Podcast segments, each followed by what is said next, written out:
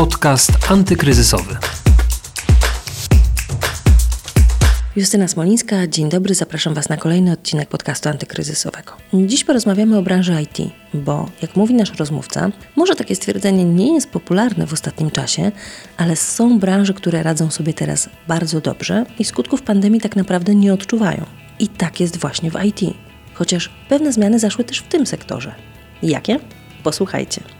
A, będziemy rozmawiać też oczywiście o zatrudnieniu, o tym, jacy pracownicy są poszukiwani, no i o zarobkach oczywiście też porozmawiamy. Posłuchajcie, co mówi o tym wszystkim profesor Konrad Świrski, prezes Transition Technologies. Trudno powiedzieć, że cokolwiek w IT się zmieniło, bo IT było jakby genetycznie przygotowane do takich działań jak w pandemii. I może to nie jest tak ciepło odbierane przez większość firm, które narzeka, ale ja uważam, że sektor IT właściwie tej pandemii nie, nie odczuł. Proszę zwrócić uwagę, że wszystko to, o czym dzisiaj mówimy, to, że rozmawiamy przez komunikatory, to, że mamy spotkania wirtualne, to, że jest właściwie powszechna praca zdalna, no to w IT to było już zawsze. Także moim zdaniem, jeśli były firmy IT, które były dobrze zorganizowane, to one nic nie musiały zmieniać. One po prostu raczej wykorzystały to, co się stało na rynku i to widać po wynikach, że większość firm IT radzi sobie bardzo dobrze. To jest jedna z niewielu gałęzi, które jakby dobrze sobie radzą w czasie pandemii. A jak wasza Wiem, firma? to nie można jest. Uważam, że nie można narzekać. No to prawda, natomiast wszystkie firmy IT mają jednak dużo więcej pracy. Przynajmniej wszystkie mówią, że rzeczywiście te, które były dobrze przygotowane, same weszły płynnie, natomiast ich klienci nie do końca weszli płynnie w to, co się wydarzyło. I teraz dużym wyzwaniem jest to, żeby przystosować innych dookoła do funkcjonowania normalnego w świecie cyfrowym, żeby ich zdigitalizować po prostu. Jak to No, wygląda tak, u Was? Ale to, to poniekąd to jest y, też kawałek biznesu, no bo, bo rozumiem, że kto się przystosowuje, to musi firmom IT zapłacić. Było rzeczywiście, bo powiem szczerze, no, nasza specjalizacja to jest trochę albo produkcja oprogramowania, albo usługi inżynierskie. No i proszę sobie wyobrazić przedstawienie klientów, gdzie zawsze byli przyzwyczajeni, że przyjeżdża ktoś i instaluje systemy informatyczne na miejscu, bo tam są duże wymogi cyberbezpieczeństwa i jakby bezpośredniego kontaktu z klientem, a teraz jest to całkowicie niemożliwe i trzeba robić wszystko zdalnie. Powoli, krok po kroku, nagle klienci się jakby przystosowali do tego, że można. Oczywiście te jakby wizyty bezpośrednio zostają, ale już bardzo w znikomym wymiarze tak naprawdę wszystko, wszystko zaczyna działać, więc firmy IT no, korzystają z tego i tak naprawdę to dla nas jest obniżenie kosztów od strony klienta. Więcej zyskujemy, myślę, że nawet optymalizujemy koszty. Wy też przedstawiliście niedawno raport finansowy. O, o ile zwiększyły się Wasze przychody od czasu wybuchu pandemii? No, rok do roku rośniemy 25-30% i utrzymujemy to dokładnie w czasie pandemii. Powiem też, dlaczego moim zdaniem tak jest, jest. Trafiliśmy dosyć szczęśliwie, myślę, że większość naszych klientów należy do sektora, który też sobie dobrze radzi bo na pewno, na pewno jest to sektor healthcare w dużej mierze, czyli medyczny, więc kto, jeśli sektor medyczny w czasie pandemii ma nie zamawiać, ale również informatyzacja fabryk, digitalizacja fabryk. Paradoksalnie inwestycje przez chwilę zostały wstrzymane, ale teraz nawet rosną bardzo szybko, bo proszę zobaczyć, że pandemia spowodowała, że mówię, eliminujemy najsłabszy czynnik, czyli czynnik ludzki. Więc idą duże inwestycje w te wszystkie nowe technologie, a ostatnim kawałkiem jest rynek energetyczny. On w tym roku podlegał dużym zmianom regulacyjnym, więc dla nas ten rok był bardzo, bardzo korzystny. Panie profesorze, bo mówił Pan, że branża IT radzi sobie dobrze i radzą sobie dobrze firmy, które od początku były dobrze zorganizowane. Natomiast czy tylko od tego zależy to, jak sobie branża IT teraz radzi, tylko od organizacji, co jeszcze jest kluczowe, żeby firmy z tej branży radziły sobie dobrze teraz w czasie pandemii. Oczywiście są firmy, które radzą sobie gorzej. Tam, nawet jak czytałem jakieś ostatnie statystyki, 50% twierdzi, że będzie lepszy rok, 30% że nie ulegnie zmiany, a 15% że będzie gorsze i że są jakieś kłopoty. Myślę, że te 15 to przede wszystkim firmy, które dostarczały swoje produkty i usługi dla tego sektora, który najbardziej został przez koronawirus dotknięty. Można sobie wyobrazić, że ktoś produkuje oprogramowanie czy usługi dla linii lotniczych albo dla hoteli czy dla restauracji. Natychmiast te zamówienia oczywiście zostały ograniczone. A druga kwestia, to mówiłem, to samego przygotowania firmy, ale no, tu jest prościej. Jak ktoś nie był przystosowany do, do tego świata cyfrowego, no to po prostu nie przeżył. I to nie dotyczy tylko firm IT, ale też będzie dotyczyło wszystkich innych firm, czy sprzedażowych, czy produkcyjnych. No, to jest po prostu konieczność w tej chwili. Był ten pierwszy boom na początku pandemii, jeśli chodzi o właśnie digitalizację, cyfryzację, przeniesienie firmy do online'u.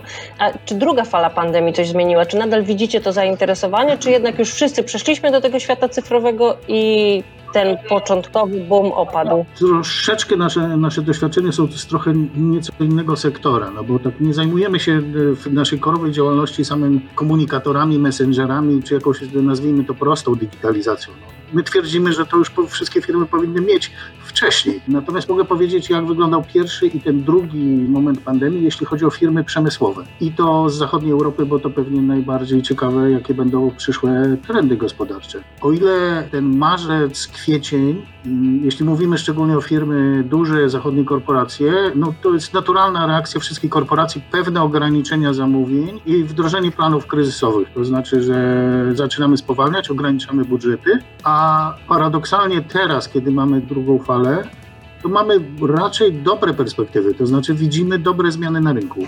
I jest jakby takie oczekiwanie na rynku na koniec pandemii i szybki powrót do jakiejś dobrej, fajnej gospodarki światowej. To może nie widać jest oczywiście u nas w Polsce, bo, bo to, co się dzieje, jest takie zawsze u nas zagmatwane, ale ja mówię przez pryzmat tego, jak inwestują duże korporacje i na co się przygotowują.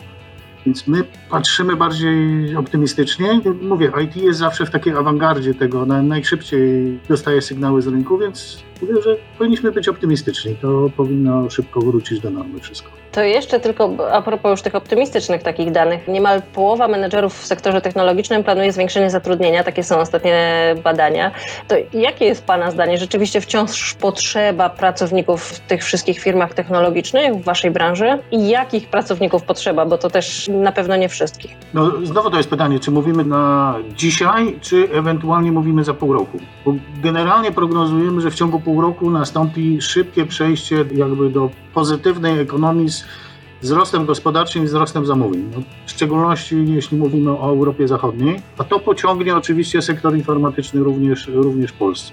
Natomiast jeśli mówimy o samym roku 2020, no to y, rynek jakby troszeczkę wyhamował. Gdybyśmy rozmawiali rok temu, to na pewno mówilibyśmy o tym, jak szybko rosną płace programistów, prawda? Pewnie jak trudno jest kogokolwiek zatrudnić. Wybuch pandemii paradoksalnie jakby spowodował przejście wszystkich tych pracowników IT na taką konserwatywną stronę. O ile rok wcześniej wszyscy bardzo chętnie zmieniali pracę, no to w roku 2020 zaczęto ocenić jako taką pewnie długofalowe perspektywy i żeby ktoś zdecydował się zmienić pracę, to paradoksalnie musiał dostać bardzo wysoką ofertę, czyli znaczącą podwyżkę po to, żeby się przenieść z jednej firmy do drugiej. Czyli generalnie płace wyhamowały, ale gdyby się chciało kogoś zatrudnić, to trzeba mu zapłacić dużo, dużo więcej tak to dziwnie wygląda. Natomiast jeśli chodzi o to, co na przyszłość, no to znowu rynek wróci do, do dużych zamówień i w związku z tym no, programiści znowu będą w cenie. To jest, to jest naturalne. A w których gałęziach z tych, które Państwo obsługują z tych firm jest teraz za, największe zapotrzebowanie na Wasze usługi? Czy właśnie ta branża medyczna, czy to też się powoli wyhamowuje? Nie, medyczna, medyczna idzie bardzo dobrze cały czas i medyczna, wydaje mi się, że najbliższe lata to już wydatki na sektor medyczny zostały tak zwiększone, że one na pewno nie spadną. Więc to idzie dobrze. Ja mówię, budzi się przemysł, co dla nas jest najbardziej ciekawą informacją.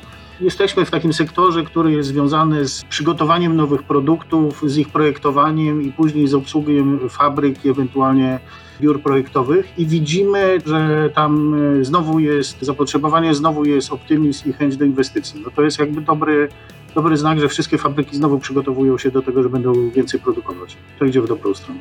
No jasne, to idzie w dobrą stronę, natomiast zastanawia mnie jeszcze jedna rzecz, bo na początku e, właśnie mówiło się o tym, że dużo firm inwestuje w IT, bo nie ma wyjścia i mówi Pan, że jesteśmy na takim etapie, że te proste rozwiązania, jeśli chodzi o cyfryzację, digitalizację firmy, powinniśmy już mieć wszyscy dawno ze sobą, jednak okazuje się, że wcale tak nie było, przynajmniej na początku pandemii, ale dużo firm te większe wyzwania zostawiło sobie na odległą przyszłość i te koszty obcięło.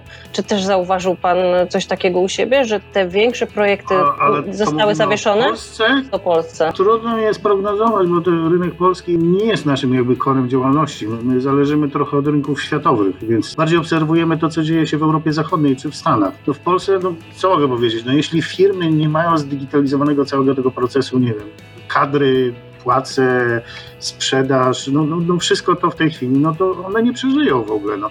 Mogą pewnie przeżyć tam na jakimś rynku polskim, albo są firmami państwowymi, ale to nie jest coś, co, no, co w tej chwili powinno być na rynku, więc ja raczej obserwuję, że wszystkie firmy no, te proste rozwiązania miały wdrożone. Jeśli mówimy o dużych korporacjach, to było wdrożone, natomiast były dwa problemy. Pierwsze to, że było przyzwyczajenie na przykład do spotkań czy do wyjazdów i że niekiedy trzeba było się spotykać za granicą koronawirus jakby zerwał z tym takim przyzwyczajeniem, że nie wszystko można załatwić zdalnie. Znaczy mówię, że, że skończyły się wyjazdy i to, że trzeba się spotkać face to face, ale dzięki temu jakby wszystko załatwiamy zdalnie od cyfrowego podpisu poprzez spotkania i negocjacje. I no, to jest chyba najważniejsze w tej chwili. Jest taka jeszcze, jeśli mówimy o pensji programistów, to paradoksalnie stała się też ciekawa sprawa, ponieważ zaczęły się wyrównywać pensje pomiędzy Warszawą czy tymi głównymi miastami, a innymi miastami w Polsce. No Bo zawsze było coś takiego, że, że pensje programistyczne w Warszawie były najwyższe, związane z tym, że tu są centra, a praca zdalna jakby wyeliminowała konieczność bycia w Warszawie i w tej chwili paradoksalnie tam, gdzie się pojawiły podwyżki, to w tych miastach mniejszych, bo programiści zaczęli pracować zdalnie. Jest to Ponieważ taki trend, który się utrzyma? Chyba tak, bo, bo proszę zobaczyć, że pewnie wrócimy do biur, ale na pewno nie wrócimy do biur tak samo jak było do tej pory. Wszystkie firmy IT ograniczą swoje powierzchnie biurowe co najmniej o 50%. No, Sami się do tego przygotowujemy. Zarówno z naszej strony, bo chcemy ograniczyć koszty, jak i ze strony pracowników, którzy nie do końca chcą już pracować w takim trybie. Oczywiście biura zostaną, bo to jest kwestia psychologii i tego, że trzeba się spotykać i trzeba się socjalizować. Nie można przejść całkowicie na pracę zdalną, bo zresztą ta druga faza pandemii pokazuje te negatywne rzeczy pracy zdalnej, że przez wiele lat nie da się tego utrzymywać, no że biura będą, ale będą na pewno mniejsze i to będzie jakiś inny sposób pracy IT. I znowu paradoksalnie dla IT przyniesie to zyski. Okazuje się, że można pracować taniej, nie budować tych szklanych wieżowców, czy nie mieć aż tak rozbudowanych szklanych wieżowców. Czyli można powiedzieć w sumie tak naprawdę, że branża IT trochę na pandemii zyskała. Przynajmniej część tych firm. Boję się tak powiedzieć, bo to, to jest takie niepopularne w tej pandemii, kiedy mówimy tylko, że jest niedobrze, ale dlaczego te 50% mówi, że zwiększy przychody i zresztą widzimy w bilansach dużej ilości firm, że wszystko jest w porządku. No, spadły koszty biur, pensje programistów, o którym mówiłem, wcale nie rosną, no chyba, że ktoś chce zatrudnić jakichś tam wyjątkowych specjalistów, ale generalnie nacisk płacowy spadł. A zamówienia, o ile ma się szczęście i jest się w dobrych sektorach i klienci się utrzymują, no to są cały czas takie same, a może nawet większe. Więc wszystko Bardzo idzie w dobrą stronę. Panie profesorze, raz jeszcze za rozmowę. Naszym gościem był profesor Konrad Świrski, prezes Transition Technologies. Dziękuję. Dziękuję bardzo i proszę być optymistycznym co do przyszłego roku w takim razie. W dzisiejszym podcaście antykryzysowym to już wszystko. Serdecznie zapraszam Was na kolejny odcinek, który będzie z kolei bardzo luksusowy, bo o luksusie będziemy rozmawiać, a tak naprawdę to o rynku dóbr luksusowych i produktów premium. Jest to bowiem rynek sporo wart, rynek, który mocno się trzyma mimo pandemii i rynek w Polsce dość młody, który dynamicznie się zmienia.